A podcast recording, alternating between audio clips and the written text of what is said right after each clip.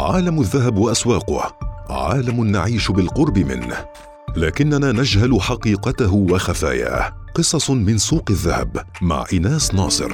عبد الله الصايغ أحد شباب ولاية صور وهو ابن مبارك الصايغ المعروف منذ فترات قديمة بدقة صياغته للخناجر والمجوهرات والفضيات الرجالية والنسائية والتي ورثها عنه عبد الله منذ صغره. يسرد لنا اليوم قصة الخنجر الذهبي الذي صاغه والده رحمة الله عليه وتفنن في صياغته حتى أصبح تحفة نادرة. امتلكها فيما بعد جلالة السلطان قابوس طيب الله ثراه ثم أهداها لأحد أمراء السعودية. سمعنا أن عندك قصة يعني جميلة جدا فيما فيما يتعلق بالذهب وصناعة الخناجر الذهبية. فنريد نعرف منك هذه القصة وتفاصيلها. والخناجر السورية كانت مطعمة بالذهب. يعني نبذة عن الخناجر. أما في عمل الوالد في اللي هي القصة اللي تقصديها عمل خنجر واحد سعيدي. وكان في حجر كريم أبيض.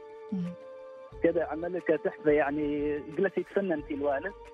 فطلبه أه وصل للسيد المرحوم. السيد سلطان بن حمد الله يرحمه ويغفر له. وهو اللي خبرني القصة. القصة الخنجر هذا السيد سلطان الوالد وصل لي قال هذا خنجر معاريس. فالسيد سلطان محمد قال هذا أنا ما عندي معاريس الحين.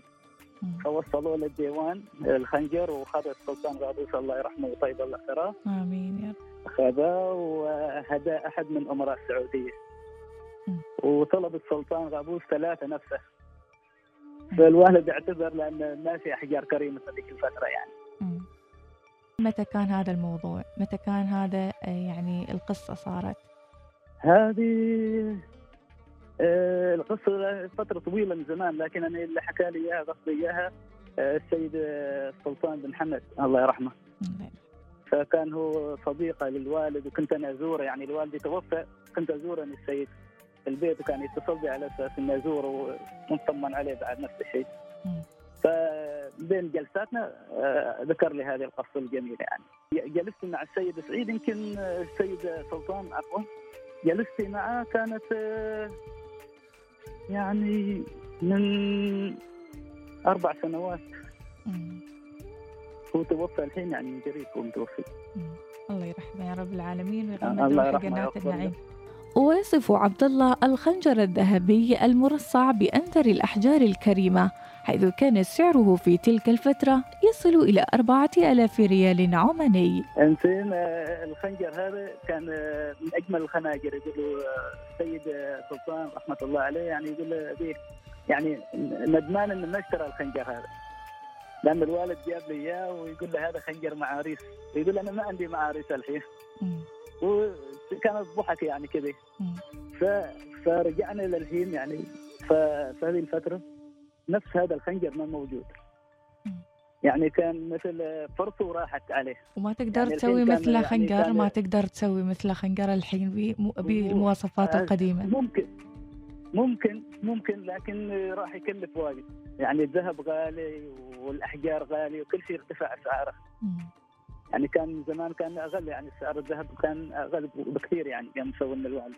كم كان سعره تقريبا الخنجر؟ يعني بحدود 4000 كذا.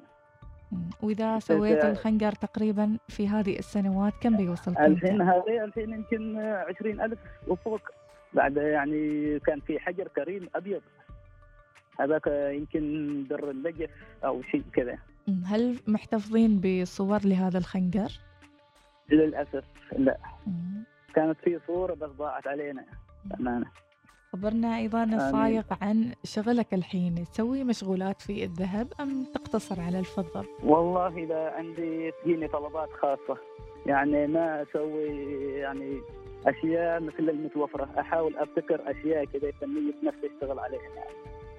يعني مثلا إذا خاتم ذهب مع عقد يكون بالحجر الكريم لنا تبالي وكذا يعني أسوي شيء بنفسي يعني أنا اريد في طلب طلبات كثيرة يعني بس أنا ما ما مركز كثير في الذهب. أنا أعمالي كثيره في الخناجر يعني أحاول أطلع خناجر بإبداع.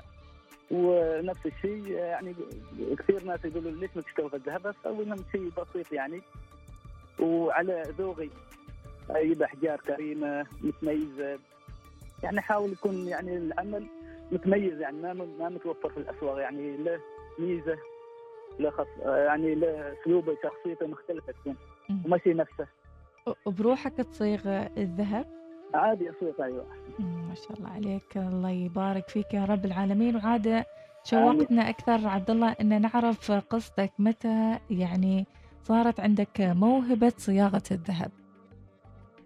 هذا هذا هذه إحنا يعني مولودين في المكان اللي يصيغوا فيه. يعني كان كانت صياغة في البيت عندنا في البيت. جدي كان جدي ووالدي يشتغلوا في البيت. أنا كنت عايش معهم يعني مولودين في البيت. إذا ما ليه ما طلعوا يعني من البيت إلى محل صغير محل صغير إلى يعني معرض وكذا يعني. فإحنا عايشين متعايشين في هذا الجو. وهذه هي وظيفتك الخاصة. أنا أصلا خريج خريج بكالوريوس اداره مستشفيات مؤسسات صحيه.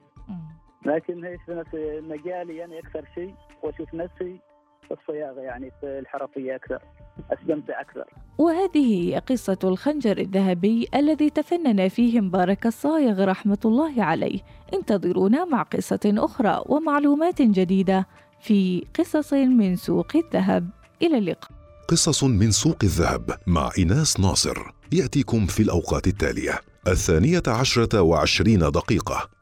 الخامسة وأربعين دقيقة الثانية وخمس دقائق.